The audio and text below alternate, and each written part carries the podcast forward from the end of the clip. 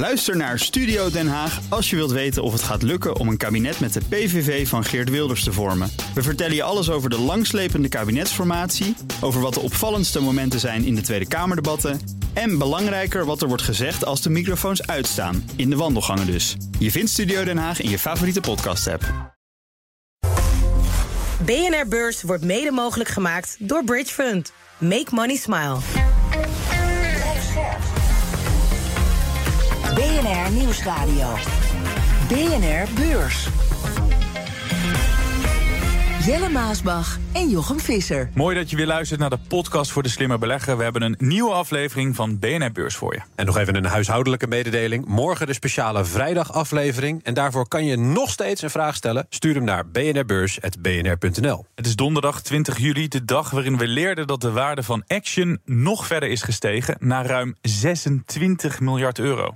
Winkelketen Action is het afgelopen half jaar flink gegroeid. Opnieuw werden er nieuwe winkels geopend, 90 in 11 verschillende landen. Ja, Action is dus hard op weg om de beurswaarde van Ahold Delhaize te evenaren, ongekend. En over waardevolle dingen gesproken, Corné van Zijl is bij ons. Hij is van Cardano. Dag Jelle. Goed dat je er bent. De AX nog even, die daalde 0,7 procent, sloot onder de 770 punten. Grootste dalen is ASMI met een verlies van 5,7 procent. Het grote nieuws kwam eigenlijk van beursbedrijven uit het buitenland. Denk bijvoorbeeld aan Netflix. Dat heeft succesvol miljoenen mensen binnenboord gehaald. Eerst betaalden ze niet, nu juist wel. Maar beleggers zijn nog niet helemaal overtuigd. En natuurlijk gaat het ook over... Over de kwartaalcijfers van eh, Tesla. Maar eerst Jochem, wat viel jou uh, nog meer op? Nou Jelle, wat was het refrein bij de bankencijfers? Geld uitlenen gaat goed, maar deals begeleiden minder. Precies, en laat Blackstone daar nou wat over te zeggen hebben. De vermogensbeheerder met private equity en vastgoed zegt... die rottijd voor deals, fusies en overnames, die is zometeen wel over. Oh. En weet je, die inflatie die heeft ook wel gepiekt in Amerika, mag hij erbij zeggen. En daar hebben ze op zich een punt, want de inflatie in de VS staat nu op 3%. En Blackstone zegt dit natuurlijk ook vooral omdat ze net de 1 biljoen dollar in klantengelden voorbij zijn. Daar zijn ze heel trots op. En wat ik dan mooi vond, Jonathan Gray, president van Blackstone, die zegt daarbij: Wat mij betreft hoeft je groei niet beperkt te worden als je heel groot bent. Dan naar uh, Viaplay. De streamer gaat ingrijpen. En hoe? Een kwart van het personeel gaat eruit. Ze verlaten een aantal landen. En het uh, kijkt de komende maanden naar alle mogelijkheden. Waaronder de verkoop van onderdelen, het ophalen van geld bij beleggers. Of zelfs de verkoop van heel het bedrijf. Viaplay wil met banken en andere geldschieters onderhandelen over het reddingsplan. En om de tafel met de bedrijven waar ze de peperdure sportrechten van kochten. Eén land verlaten ze overigens niet. Dat is Nederland. Maar kijk je dan naar de beurskoers, hoe beleggers reageren op de plannen. Min 8 48,7 procent. Die lijken er niet echt in te geloven. Corné, geloof jij wel uh, in het plan van de directie van Viaplay? Nou ja, ik geloof wel in het plan. Want het plan is eigenlijk een noodplan van... god, hoe gaan we dit uh, bedrijf nog boven water houden? Uh, en daar moeten alle zeilen voorbij worden bijgezet. Um, dus wat dat betreft wordt het heel erg moeilijk. En ik denk dat een verkopen een van de reële opties is... Maar ja, je ziet wel aan de beurskoers dat beleggers niet verwachten dat ze daar de hoofdprijs voor gaan krijgen. Dat, het is echt gewoon een groot probleem. Uh, Viaplay heeft uh, gegokt en verloren. Ze hebben echt ja. heel groot ingezet om een enorme internationale expansie en met de Formule 1 rechten. Ja, en daar hebben ze simpelweg niet genoeg uh, inkomsten uitgekregen. En dat betekent dus dat het, het tegenvalt en dat ze dus met de staat in de benen moeten terugkeren op hun expansieve plannen. En ik heb wel eens geleerd, Corné, als je met je rug tegen de muur staat en je moet dan verkopen, dan verkoop je het sowieso niet voor de beste prijs. Dus ja, wat, wat kunnen ze dan ophalen, zou je je afvragen? Nou ja, dat, dat zal heel erg beperkt worden. Ja, maar dat zie je dus ook al gelijk in de beurskoers uh, verwerkt. Hè. Ze hebben de afgelopen uh, periode dus een half miljard verlies gemaakt. En de beurswaarde is 300 miljoen. Uh, euro's allemaal. Um, dus wat dat betreft, ja, uh, geeft dat eigenlijk wel aan uh, dat het gewoon heel erg problematisch wordt.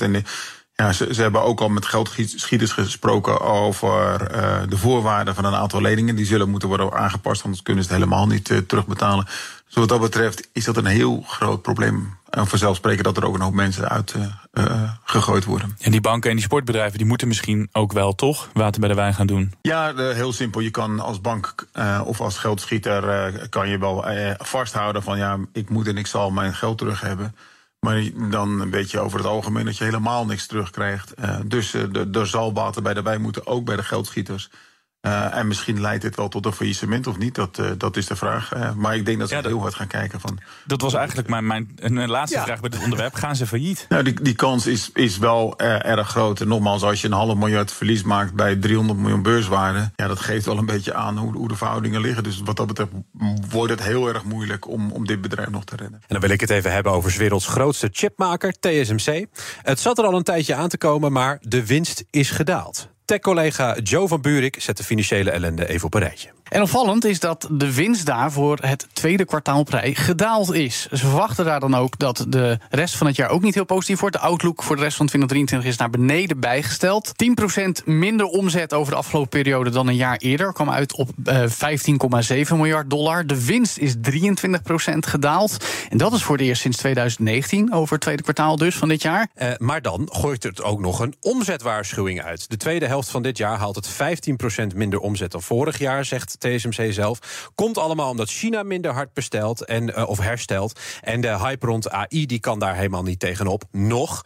Uh, TSMC kan die vraag pas volgend jaar aan. Ja, Corné, ik wil toch even uh, wat over vragen. Want ik zie, als ik naar de AIX kijk, ik zie ASMI bijna 6% eraf. ASML 5% eraf. Bezi 2,5%. Is dit nou zo'n drama als het lijkt voor al die andere bedrijven waar, nou ja, misschien luisteraars ook wel in beleggen? Ja, dat de koers wel met 32% gestegen is. Ja, van TSMC. De korte termijn problemen. Simpelweg omdat uh, op korte termijn ja, zijn de economische vooruitzichten somber. Dus gaan er minder auto's verkocht worden, minder telefoons. Al die dingen waar je chips in stopt. En daar heeft TSMC gewoon last van. Bovendien inderdaad, wat er net al werd gezegd, dat China uh, een relatieve grote impact heeft op TSMC.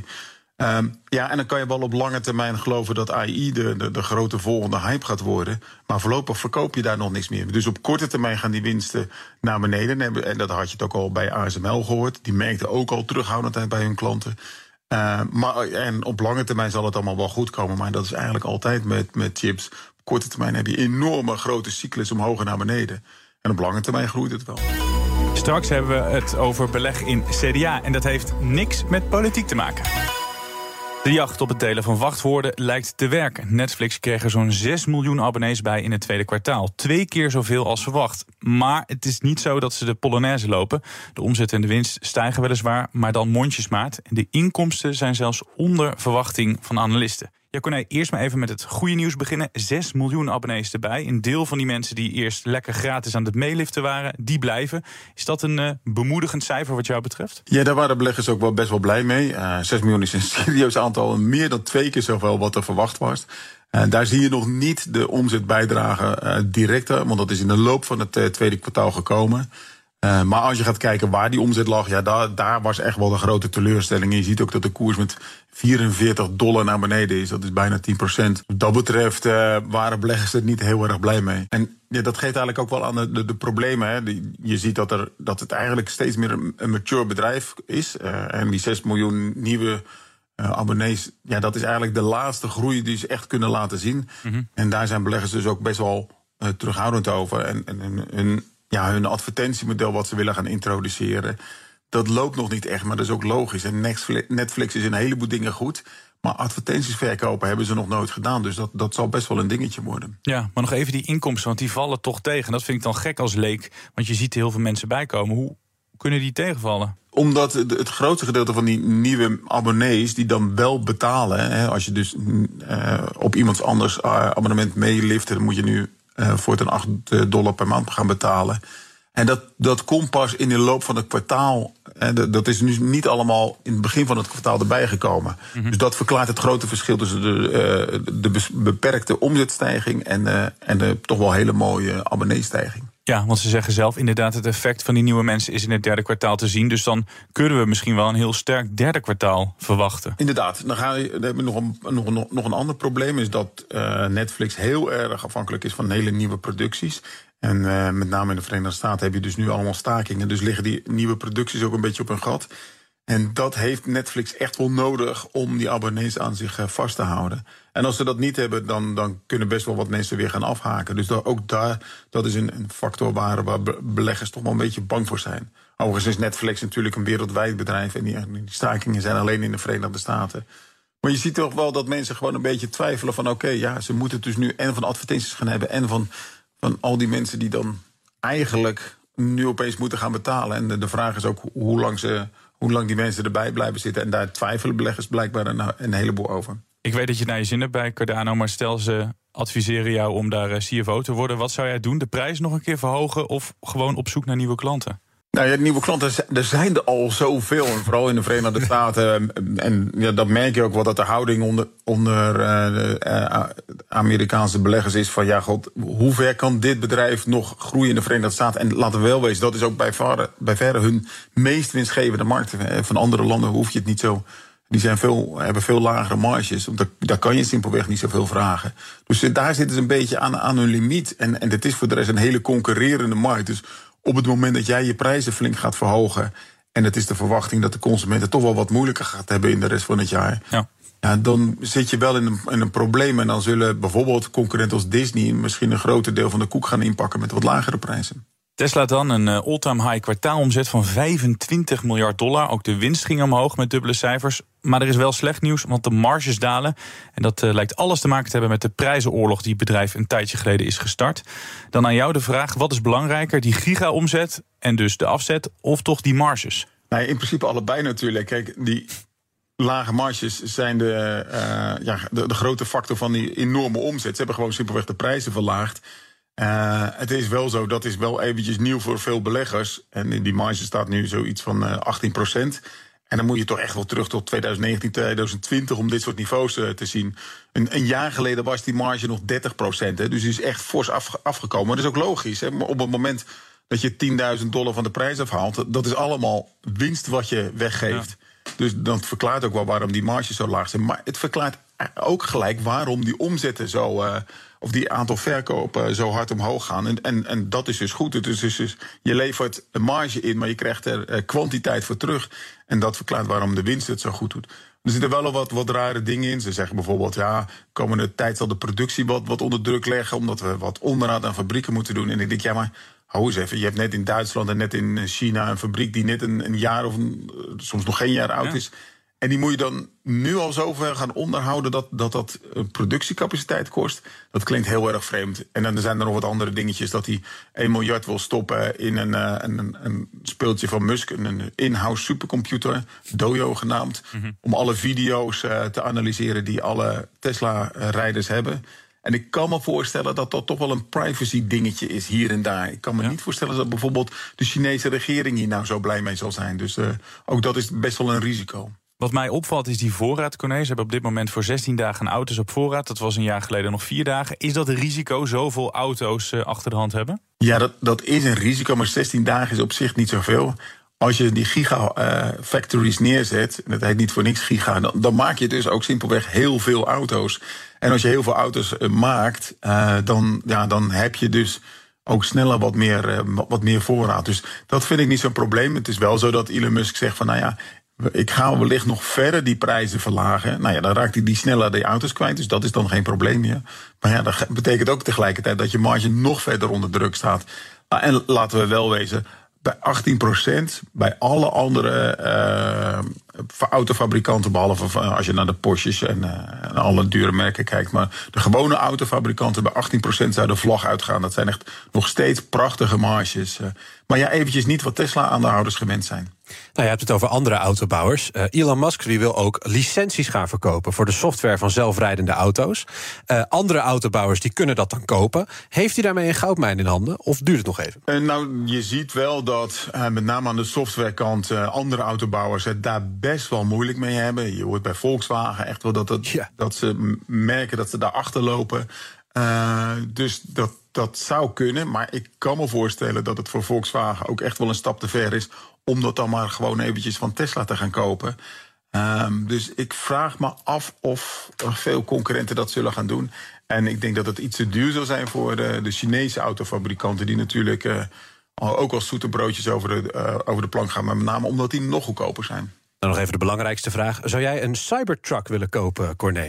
Want Musk die kwam tijdens de earnings call niet echt met meer vergezichten... over die, die nieuwe gigantische bak. Snap je dat beleggers zo wild zijn van dat voertuig? Ja, ik heb er al in besteld, uh, eerlijk bekennen. Het is, uh, het is elektrisch, dus dan mag het. Nee, uh, kijk, dit zijn belachelijke auto's natuurlijk. Maar goed, de meeste Amerikaanse auto's zijn vrij belachelijk. Dus als je een keertje wil opvallen. Ja, zo'n Cybertruck, dat helpt wel. Dus ik, ik kan me voorstellen dat, dat er een bepaalde vraag naar is. Ik zou er graag in zien. Niet zoveel ver, ik ben bang dat ik niet eens een garage binnenkom. En zeker niet bij jullie. Tot slot over Tesla, Corné. Eh, het aandeel is veel over gezegd. Dat de risico's. En er zit iemand aan de top die ook nog wat, wat andere bedrijfjes erbij heeft, zal ik maar zeggen. Ben je positief over, over, over de komende tijd voor het aandeel Tesla? Nou, ik moet zeggen, ze hebben een moeilijke eh, periode achter de rug. Eh, of eigenlijk een risicovolle periode achter de rug. Mhm. Het is als je zoveel investeert in je productiecapaciteit en de prijzen gaat verlagen, is dat best een succesvolle uh, strategie. Dus wat dat betreft, uh, operationeel denk ik dat ze uh, echt wel op de goede weg zijn. of je naar het aandeel nou moet hebben, laten we wel wezen. Het, de koers van het aandeel is dit jaar 120% gestegen. Ja, meestal bij dit soort stijgingen met de vooruitzichten voor nog meer prijsdruk, mm -hmm. nog meer bijzondere investeringen, nog meer risico's. Uh, zou ik zeggen, nou, laat maar eventjes. En laat wel weten, de waardering is ook 80 keer de verwachte winsten die ze gaan maken. Dus goedkoop is het niet. BNR Beurs. Dan naar Wall Street. De Dow Jones staat 0,8% in de plus. De S&P 500 staat juist uh, in de min, 0,4%. En de Nasdaq verliest, verliest maar liefst, ik schrik ervan, 1,5%. Jochem, hoe doen de aandelen van Netflix en, uh, en, Tesla het eigenlijk? Nou, ik zie dat ik een verklaring heb voor die Nasdaq. Deels. Uh, allereerst Netflix. Ja. daar gaat 9 en een derde procent van af. Zo best een bloedbadje. En Tesla ook, uh, 8% eraf. Uh, we hadden het net nog over de omzetwaarschuwing van TSMC. Daardoor daalden de chipbedrijven Intel, AMD, Nvidia nou, en, en ook onze ASMI... Uh, allemaal vandaag met meerdere procenten. In het geval van Intel, AMD en Nvidia tot 2,9%. En ASMI zelfs vandaag met 6% zag ik staan. Tot slot een opvaller. Uh, Johnson Johnson stijgt bijna 6% De farmaceut die ook allerlei consumentenartikelen verkoopt... die boekt het afgelopen jaar meer winst dan verwacht... en verhoogde net als het vorige kwartaal de prognoses voor het hele jaar. En dat voorspelt veel goeds voor medische goederen en consumentengoederen... want uh, Johnson Johnson wordt vanwege zijn gigantische grootte... gezien als goede barometer voor die sectoren. BNR Beurs. Het uh, klinkt misschien zo, maar je bent niet op Hawaii. Nee, nee, je luistert naar onze zomerserie. Deze week nemen analisten een aandeel mee in hun strandtas. Een aandeel dat je nog niet zo goed kent, maar waar je wel van kan leren... of misschien zelfs geld aan kan verdienen. Corné, ik begrijp dat we lid worden van een politieke partij vandaag. Ja, ik ga voor het CDA. Ik ben overigens VVD-lid hoor, dat laat ik dat er gelijk even bij zeggen. Maar nee, het CDA is echt een, een prachtig aandeel. Ik, uh, dus, daar kan je echt als uh, vakantieganger veel van genieten, maar vooral uh, voor de wintersporter. CDA staat voor Compagnie des Alpes. En dat is dus een Frans bedrijf, zoals je zou mogen verwachten. Uh, en dat heeft een aantal skioorden. Uh, dat heeft uh, tien skioorden. En daar zijn hele bekende bij, zoals Val d'Isère, La Plagne, Chamonix, Maribel en Tienje. Dus wat dat betreft kan je als, uh, ja, als vakantieganger je lol op met dit bedrijf.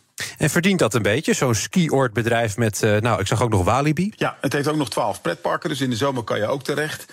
Uh, als aandeelhouder, ja, het is een heel goedkoop aandeel. Het staat maar uh, acht keer de verwachte winst, dus dat is bijzonder goedkoop. Maar ja, ik bedoel, je hoeft maar even naar buiten te kijken en, en de weerberichten te lezen. En te weten wat de grote risico's van dit bedrijf is. Ah, met global warming wil je echt niet in een ski-resort bedrijf zitten.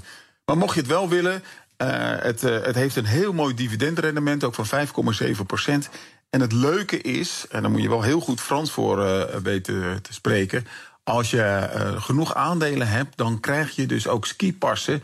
Maar daar zijn ze nogal vaag op, op hun site. Nou is mijn Frans ook niet zo goed, dus daar zou het ook aan kunnen liggen.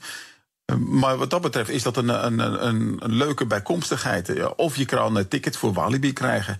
Maar dan moet je echt minimaal 400 uh, uh, aandelen, dat is wel even 6000 euro op tafel leggen.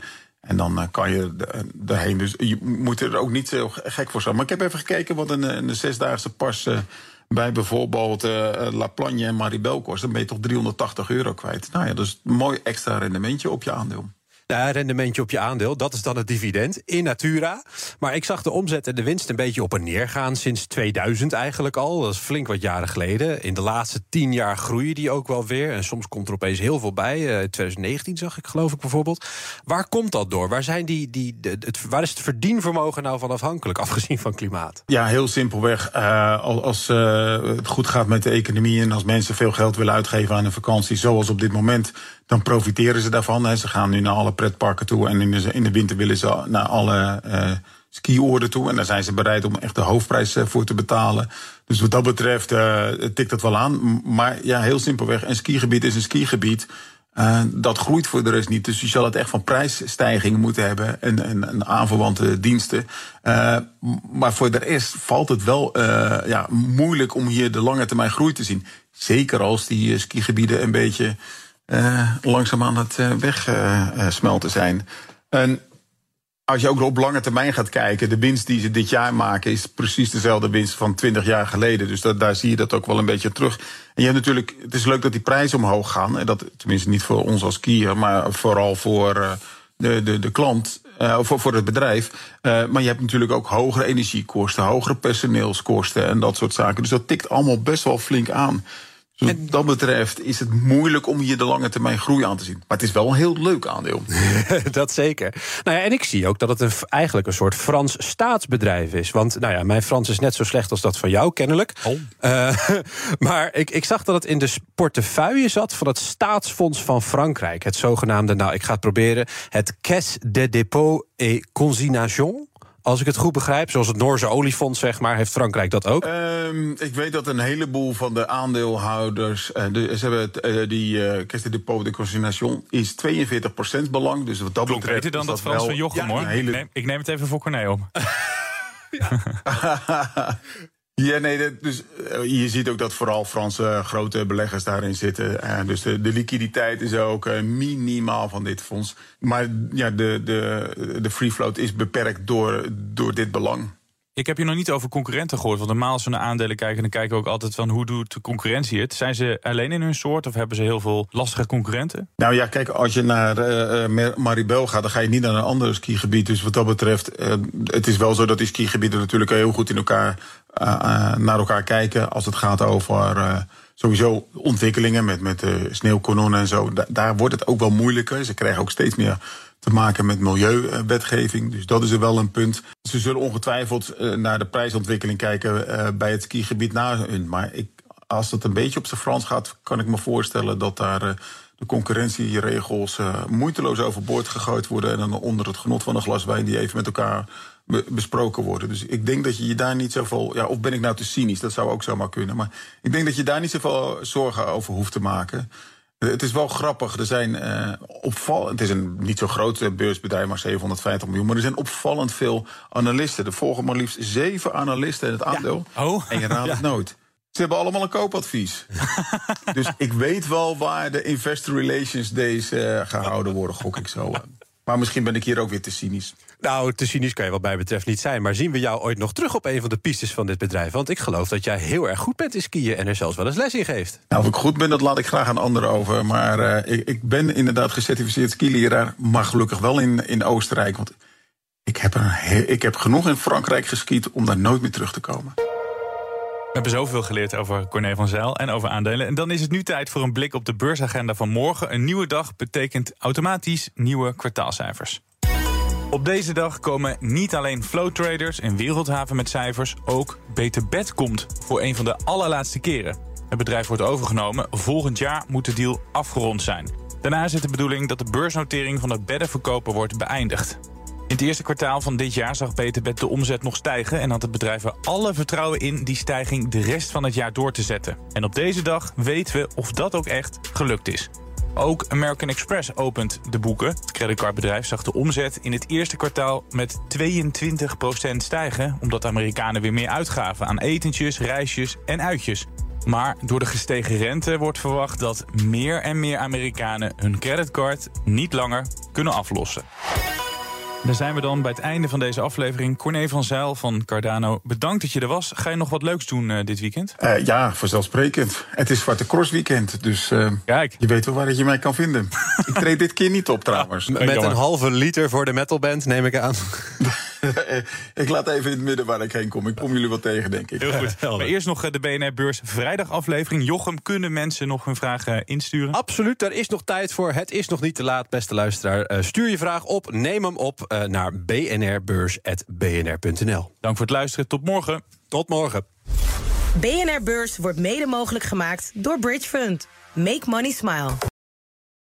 Ook Bas van Werven vind je in de BNR-app. Ja, je kunt live naar mij en Iwan luisteren tijdens de ochtendspits. Je krijgt een melding van Breaking News. En niet alleen onze podcast Ochtendnieuws, maar alle BNR-podcasts vind je in de app. Download nu de gratis BNR-app en blijf scherp.